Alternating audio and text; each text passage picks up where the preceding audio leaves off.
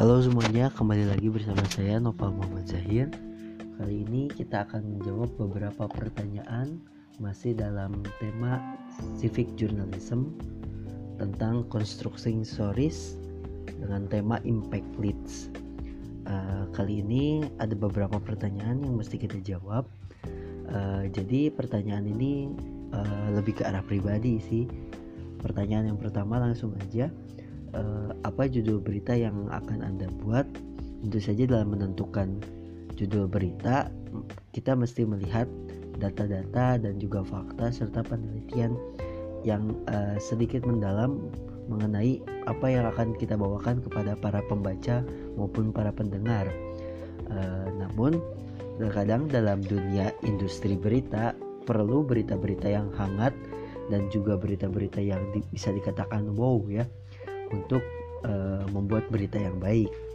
Kali ini saya akan membawakan berita tentang uh, eh, KRL Jabodetabek yang tidak ditutup sama sekali dalam masa uh, eh, PSBB mengingat pada masa PSBB ini yang berlaku di daerah Jawa Barat seperti Bogor, Depok dan Bekasi, Jakarta bahkan uh, untuk provinsi Banten ada Tangerang yang ikut PSBB tapi tidak uh, tidak menghentikan kegiatan aktivitas mobilisasi warga melalui kereta komuter ya.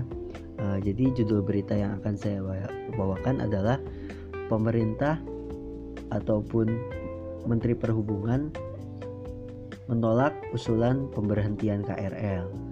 Nah, bagaimana cara Anda lanjut ke pertanyaan yang kedua ya. Bagaimana cara Anda menjelaskan serta meyakinkan berita yang Anda buat kepada pemirsa?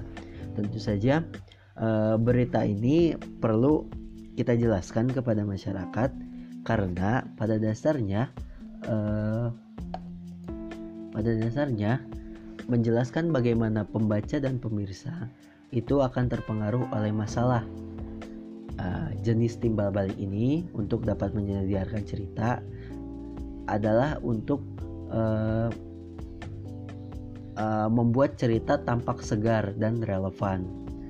Jadi uh, berita yang akan saya bawakan tentu saja tentang kereta komuter lain yang ditolak usulan pemberhentiannya akan sangat menarik bagi masyarakat di sekitar uh, Jabodetabek dan uh, umumnya untuk Indonesia karena uh, tanpa penutupan ini walaupun memiliki banyak pro dan kontra di satu sisi adalah penyebaran virus corona tetap berlangsung uh, kalaupun kereta ini tidak di stop tapi di sisi lain juga banyak mata uh, warga ataupun masyarakat yang menggantungkan mata pencahariannya menggunakan moda transportasi ini.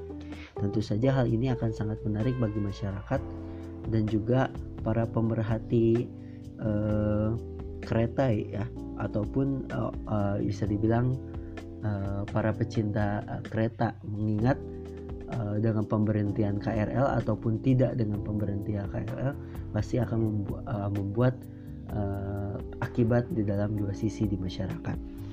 Terima kasih, mungkin itu saja yang dapat saya sampaikan.